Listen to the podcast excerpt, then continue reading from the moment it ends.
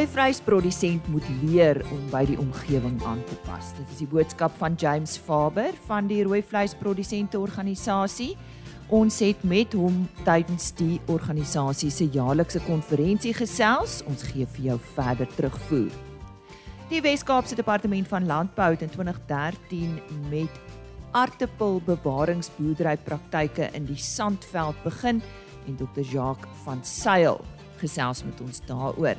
Johan van der Berg is terug met nuus oor die weer.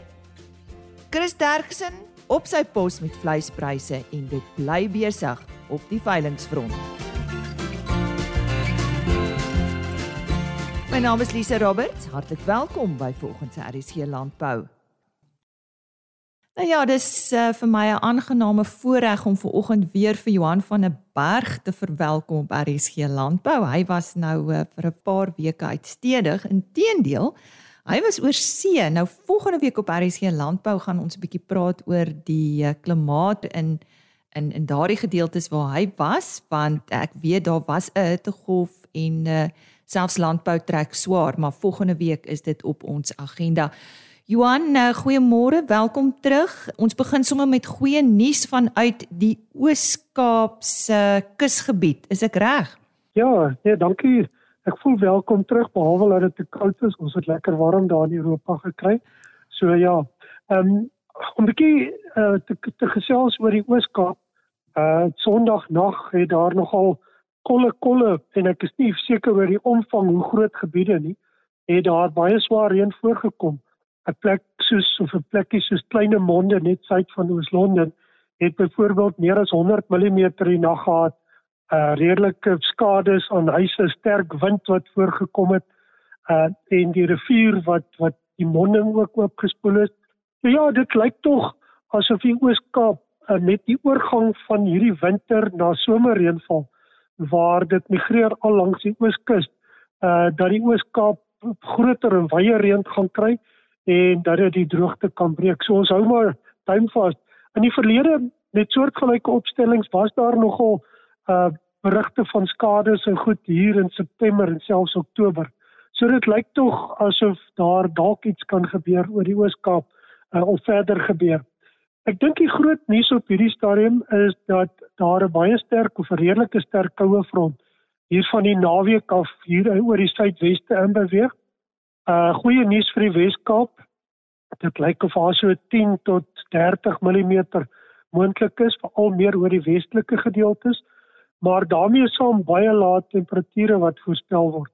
So hier van Sondag, Maandag, Dinsdag nag uh redelike swaar ry wat hier oor die benede Oranje rivier uit Vrystaat, Sentraal Vrystaat en dan veral ook oor die noordelike dele van die Oos-Kaap kan voorkom. Ek sien daar is temperature van -7 wat vir 'n plek soos Baaklie Oos voorstel word. So dit uh, dit is nogal uh, dit kan al ons ons drywe en die bome wat begin bot. Uh ek dink is dalk 'n bietjie vroeg vir die koring uh kan daar rypskades begin voorkom. Uh so dit lyk regtig vir al maandag dinsdag se kant of daar redelike baie lae temperature kan voorkom. En dan natuurlik, dit lyk of daar sneeu oor die Kaapse berge gaan kom, al daar die Bokkeveld Ceres gedeeltes uh hier om rondom Saterdag Sondag. Uh so wat ons sê is baie lae temperature. Die Kaap kan reën kry, baie min of geen reën wat voorspel word uh vir die kom ons sê vir die vir die somerreënval gebied dan. Johan baie dankie. Ons gesels dan volgende week met jou Johan van der Berg op sy pos hierdie week met ons weer nuus. En nou nuus oor 'n veiling, die Bonsmara Genepool produksie veiling van 17 Augustus. En ons gesels met Wiep Uber. Wiep dalk om mee te begin, so ietsie oor Bonsmara Genepool? Goeiemôre Lisa. Lekker om weer met jou te kan gesels. Ons Maragenpool is 'n stoetgroep teelskema sedert 1981 met 'n kernkudde koeie wat geselekteer is vanuit die deelnemende lede se kuddes. Uh die doel van die groep is om groter seleksie druk en teelvordering te bewerkstellig tot voordeel van die lede en van die bedryf.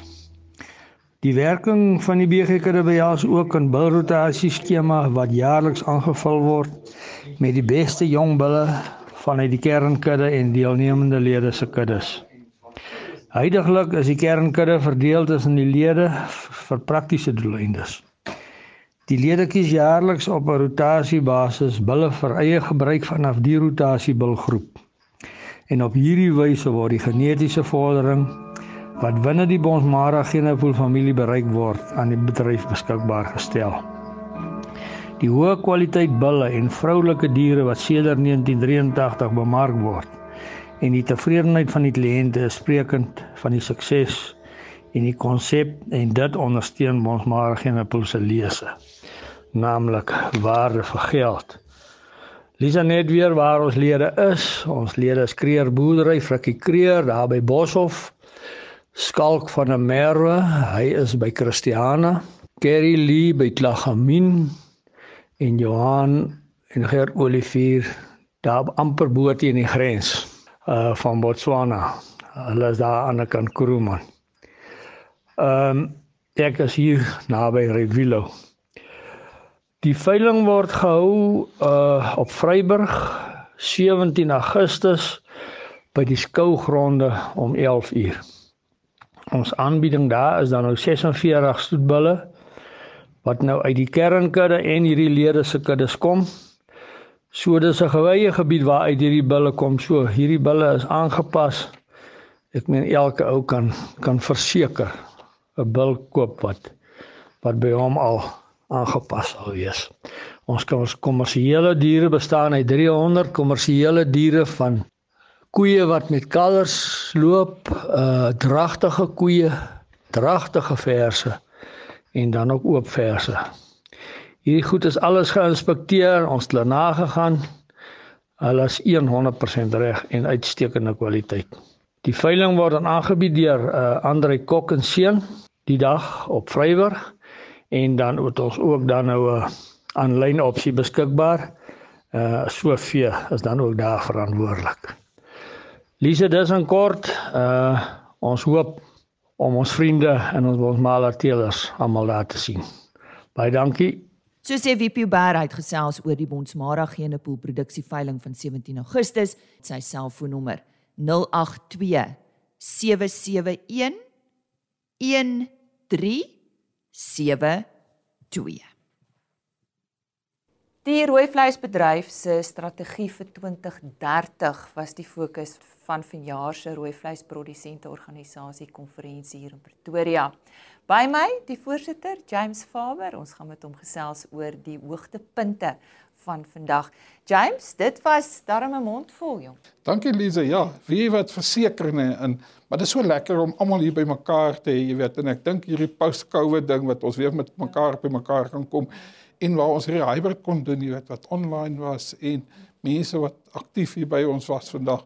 Dis lekker, nee, jy weet, en die blootstelling te kry, nee, want um ek dink hier soveel nuwe inligting wat vandag uitgekom het en om dit als deur te kry in die bedryf en skep vir ons soveel nuwe geleenthede om dit te doen. Kom kom ons praat so 'n bietjie oor daai inligting. Eerstens was professor François Engelbrecht van Wits Universiteit baie aktueel, baie relevant en dit is ons klimaatsverandering. Nou uh, jy is 'n klimaatslim boer, so jy gaan moet weet wat het die rooi vleisprodusent nodig om met die uitdagings wat die klimaat vir ons daarstel te kan werk. Wat wat sal ons moet anders doen?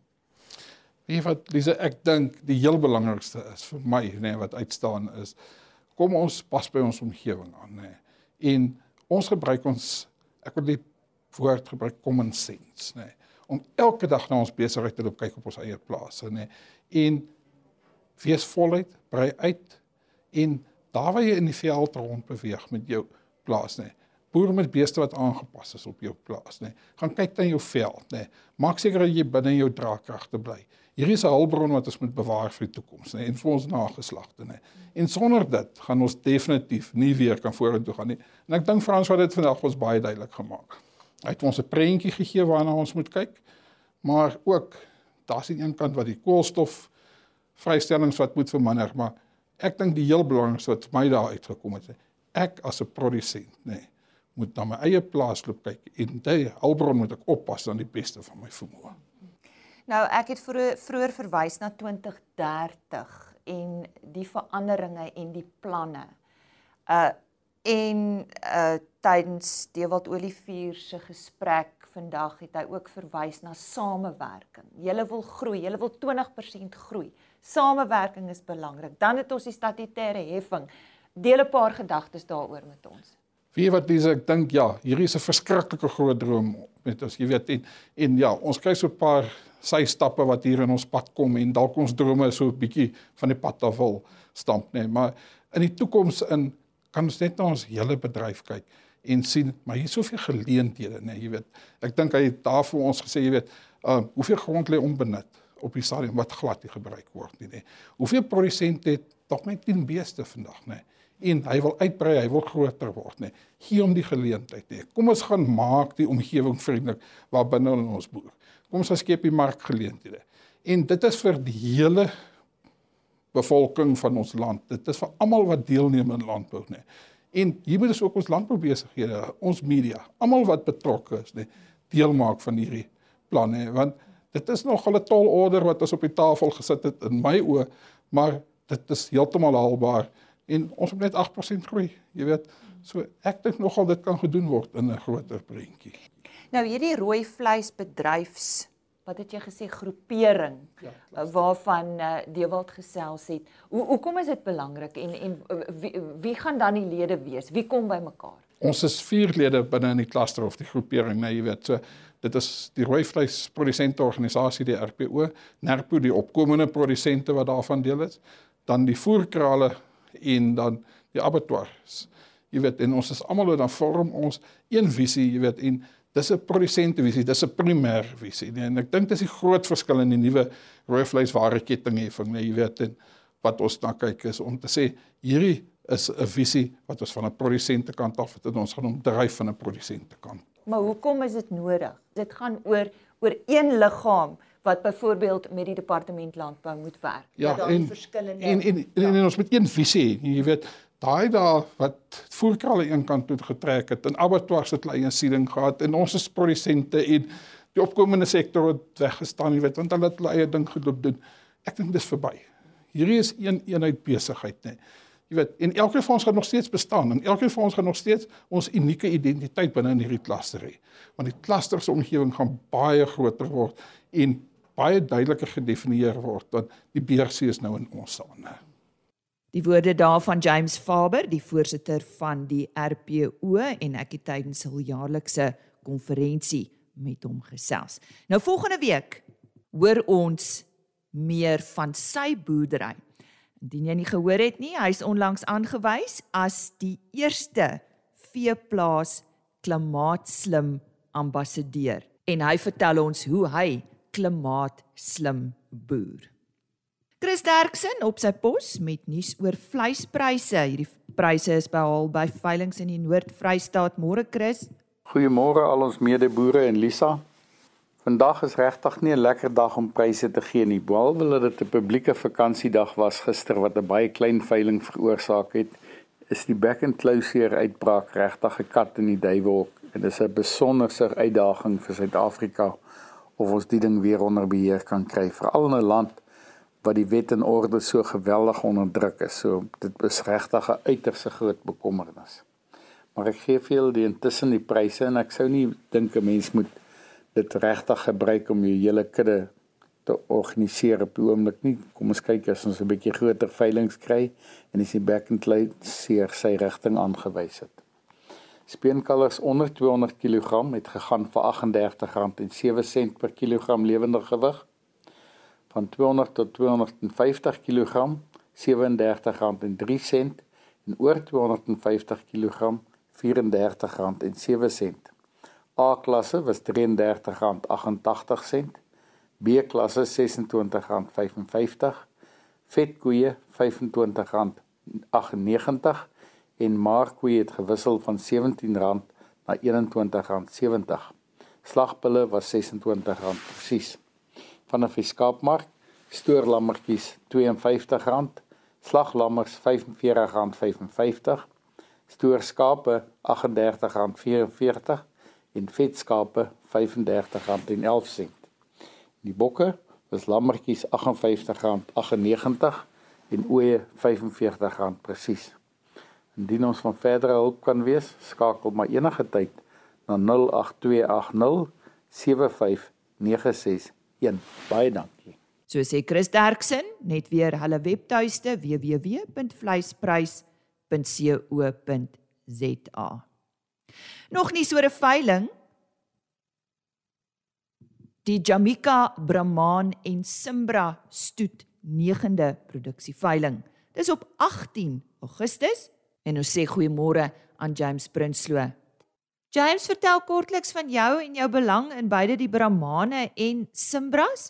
Uh goeiemôre Lize, wat 'n uh voorreg om ver oggend met jou te kan praat oor Brahmane en Simbras en dan ook oor ons bulveiling wat gehou word DV op die 18 Augustus by die Boering uh daar by Davel. Lize, ja, ons stoetery is die Jamaica Brahmane en Simbras. Ons boer hier tussen Volksrus en Vrede tussen die berge waar dit een van die koudste dele op die Hoëveld is. Ons is in 'n familieboerdery waar my seuns elkeen 'n afdeling behartig. Janko by die stoetery by die Brahmane en die Simbras, Nikolai by die wolskape, die Merinos en Hendrik James hanteer 'n jagafdeling van Jamaica. Lisa ek het in 1980 my eerste Brahmane gekoop as 'n student. Ek het in 1984 my pa saam met my pa begin boer waar hy toe ook belang gestel het om 'n aandeel by my te koop in die Brahmane. So ek boer fisies 32 jaar met Brahmane en toe ek in 2002 met die Simbras begin teel. Ons boer nou met die Simbras 20 jaar. Ek boer met Brahmane omdat hulle baie gehard en langlewend is. Ek het al koeie gehad wat op 21 jaar hulle laaste kalvers gegee het en die kalvers wissel baie laat van die Brahman wat dan 'n gewigsvoordeel het want weeg die kalf meer en sodoende die prys bepaal. Die Brahman beweeg gemaklik, met ander woorde hy het 'n goeie loopvermoë en hoë haarkwaliteit sodat borsluise nie maklik op hom kan klim om siektes soos rooi water, galsiekte en hartwater te veroorsaak nie. Die Brahman het ook baie goeie moedereienskappe. Lise, ek is 'n senior beoordelaar by die Brahmane en ek geniet dit baie om die skoue te beoordeel. Ek het toe in 2002 met die Simbras begin teel. Dit is 'n maklike boerbees Die Simbra is 'n kruising tussen die Brahman en die Simontaler. Soos ek reeds die Brahmane se sterkpunte behandel het, so het die Simontaler dan ook baie goeie temperament, goeie vleiseienskappe en melkproduksie. Die Simbra word gebore uit die twee rasse se sterk eienskappe. En daarom dink ek die Simbra is 'n ongelooflike bees. Ons lees hier by Jamaica is face of the future en ons poog om 'n medium raam bees te teel met baie vleis en harde bespiering wat op die uiterste toestande van die hoofveld sal gedei en ook in die res van Suid-Afrika. Waar word die veiling gehou? Lise, die veiling sal DV gehou word by die Auction House Boering tussen Bethal en Ermelo by Davel, reg langs die N17 hoofpad. So wat bied julle aan op 18 Augustus? Lise, dit is ons jaarlikse bulveiling en vanjaar ons 9de. Ons bied 54 hardbespierde bulle aan waarvan 34 Simbras, 10 wit Brahman bulle en 10 rooi Brahman bulle. Uh die bulle van wat op die veiling verkoop word, uh word vir die kopers afgelaai uh en vervoer tot op hulle plase of baie naby daaraan uh in 'n radius van 2 tot 300 km. En wie bied vir julle die veiling aan James?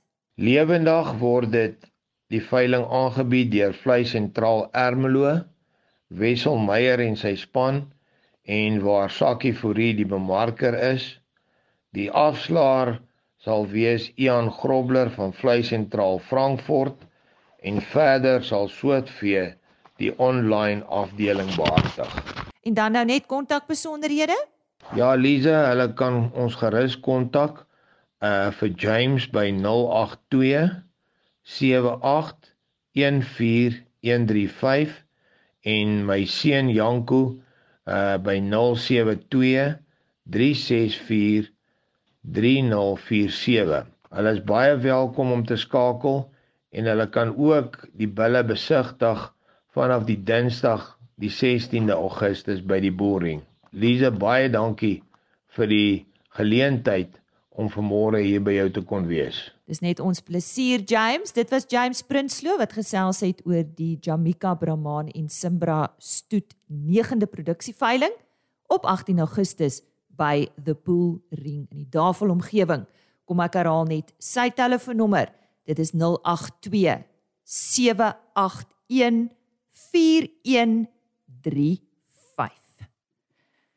Die Wes-Kaapse Departement van Landbou het in 2013 met bewaringsbewerkingproewe op aartappelplase in die Sandveld begin om vas te stel wat bewaringsboerderypraktyke in die gebied se effek op opbrengs, die fisiese, biologiese en chemiese status van grond en die watergebruiksdoeltreffendheid van die aartappelproduksiestelsels is. 'n Proef soos hierdie neem lank om betekenisvolle antwoorde te gee, veral in 'n gebied soos die Sandveld waar die erge sandgronde groot uitdagings aan die navorsers stel. Dr Jacques van Sail, 'n landbouwetenskaplike van die Departement van Landbou in die Wes-Kaap, was een van die sprekers tydens Artappels SA se navorsing simposium. Hy het gesels oor die bewerkingspraktyke wat hulle in die proewe toegepas het en ook die bevindinge na die eerste 9 jaar siklus van die proewe. Hy verduidelik waarom hulle met die proef begin het en wat was die uitdagings wat hulle moes oorkom. Hy vertel ook meer van die drie bewerkingsmetodes wat hulle toegepas het. Ja, ons het die proef in 2013 begin en ons is as nou al die 9de jaar wat ons met die proef besig is. En ons het hierdie proef hoofsaaklik begin as gevolg van van die feit dat ons gesien het die grond gaan agteruit waar die aardappels geboor word in die sandveld en ons het baie ook baie winderosie gekry as gevolg van die heersende winde in die sandveld. Die uitdagings wat ons gehad het op hierdie proef was hoofsaaklik om te kies watter implemente ons gaan gebruik wat vir die boere meer aanvaarbaar is en beskikbaar is, asook die dekgewasse wat ons wil gebruik, moet ook nie ander siektes en pla na die aardappels oordra nie. Die drie bewerkingspraktyk wat ons toegepas het was 'n maksimale verstektering waar ons 'n gewone standaardpraktyk skaapproe gebruik het en dan 'n 'n medium verstering waar ons ripper gebruik het en dan die mini totaal minimum verstering waar ons 'n paraplou gebruik het. Basies wat gebeur is die paraplou bewerk jy die land net een keer en jy dit gaan oor twee rye aardappels nadat jy die aardappels geplant het. Waar die ripper basies uh, drie bewerkingsaksies behels en die die skaapploeg uh, vier bewerkingsaksies, vier aggressiewe bewerkingsaksies uh, tot gevolg het. Maar kan hulle enige aanbevelings maak na die eerste siklus van 9 jaar? En was daar enige verbetering in die gehalte van die grond en die grondlewe? Op hierdie stadium van die proef met die data wat ons tot lede ingesamel het, sal ons die, die ripper aksie aanbeveel as bewerking, aangesien die implement wat ons daarvoor gebruik algemeen beskikbaar is en ook baie goedkoper is om in stand te hou. Ons beveel die rip ook hoofsaaklik aan as gevolg van die die die uh, paraplou bewerking wat hoofsaaklik die hoofbewaringsbewerkings kan wees aan as gevolg van die implement wat ba baie swaarder is en 'n baie groter trekkrag van die trekker sal vereis. En die die skaapploegbewerking daarteen weer is 'n baie aggressiewe bewerking wat die koolstofvlak aan die grond sal benadeel aangesien elke bewerkingsaksie die koolstofvlakke laat daal. Die sandwasse grond word algemeen baie arm aan koolstof En ons het gesien met die met die aksie wat ons gebruik het, die koolstof het meer as 100% toegeneem in die 9 jaar vandat ons begin het met die proef. Die grondbiologie wat ons gemeet het in terme van die koolstofdioksiedvrystelling uit die grond wat 'n goeie aanduiding is van die microbiologiese aktiwiteit, het getoon dat dit ook baie gestyg het oor die afgelope 9 jaar. En in die gewone gronde waar ons die of die gronde wat ons bewerk het met die standaardpraktyk het daai vlakke gedaal. Die nematodes het ook baie goeie getalle getoon wat die vrylewende nematodes aanbetref wat die goeie nematodes is waarteenoor die plantparasitiese nematodes gedaal het in die bewaringsbewerkings uh, aksies. Die bestuur van plantreste op die oppervlakte van landerye is 'n belangrike skakel in bewaringsboerdery. Watter dekgewasse is in die proewe gebruik en het dit enige risiko's ingehou? Dekgewasse wat ons in die proef gebruik het was was koring, rog en saaihawe wat ons geplant het nadat die aardappels uitgehaal was. Die aardappels is uitgehaal in in Desember en dan het ons die dekgewas geplant in Junie maand, hoofsaaklik met die eerste winterreëns wat voorkom. Daarna het ons net die jaar voor ons weer aardappels plant 'n voergras geplant. Op hierdie stadium kan ek kan ek wel sê die dekgewas het geen ander siektes ingebring wat die aardappels beïnvloed het op hierdie stadium nie en daar was ook geen probleme met onkruide as gevolg van die goeie stand van die dekgewasse nie. En dan het hulle genoeg inligting ingesamel om aanbevelings aan aardappelboere in die Sandveld te doen en het hy dalk raad vir boere wat die metodes wil toepas. Met die inligting tot, tot, tot ons beskikking en die data wat ons uit die navorsing gegenereer het, sal ons op hierdie saam die rip aksie kan aanbeveel met 'n dekgewas soos koorog wat 'n baie goeie stand gegee het en baie organiese materiaal tot die grond bygevoer. Ja, en indien die produsente hierdie eh, metode wil toepas, moet hulle miskien eers vir hulle self 'n klein proef doen om te kyk of implemente wat hulle het toepaslik is vir wat hulle wil doen en dan ook die korrekte dekgewas kies wees versigtig vir watse dekgewasse mens kies want party dekgewasse kan siektes en alwurms vermeerder en oordra. Dr Jacques van Sail, 'n landbouwetenskaplike van die departement van landbou in die Wes-Kaap, wat oor bewaringsbewerkingsproewe op aartappels in die Sandveld gesels het tydens Aartappels SA se navorsingssimposium wat op 19 en 20 Julie daar by Langebaan plaasgevind het. Ja, dit is uh, lekker besig geweest ver oggend op RSG Landbou. Dankie dat jy saamgekuier het vandag en ook hierdie week. Nou maandagooggend op RSG Landbou stel ek jou voor aan die Agri Ooskaap Jongboer van die jaar. Hy is so week of wat gelede aangewys en hy is daar van die Aberdeen omgewing. Ons kry ook terugvoer vanaf die Agri Ooskaap Kongres. Ons medewerker Karen Venter het hierdie geleentheid bygewoon daarmee sê ek mag jy 'n wonderlike naweek hê. Sterkte ook met die res van die week wat voorlê en dan sluit ek af met 'n e-posadres en webtuiste indien jy graag na een van die onderhoude wil gaan luister of jy dalk inligting nodig wat jy nie kon afskryf nie, stuur maar vir my e-pos. Ek stuur dit graag aan. Die webtuiste natuurlik rsg.co.za vir die volledige program. Jy kan ook www.agriorbit.com raadpleeg vir die onderhoude en dan 'n e-posadres rsglandbou@plaasmedia.co.za. Totsiens. RSG Landbou is 'n plaas media produksie met regisseur en aanbieder Lize Roberts en tegniese ondersteuning deur Jolande Rooi.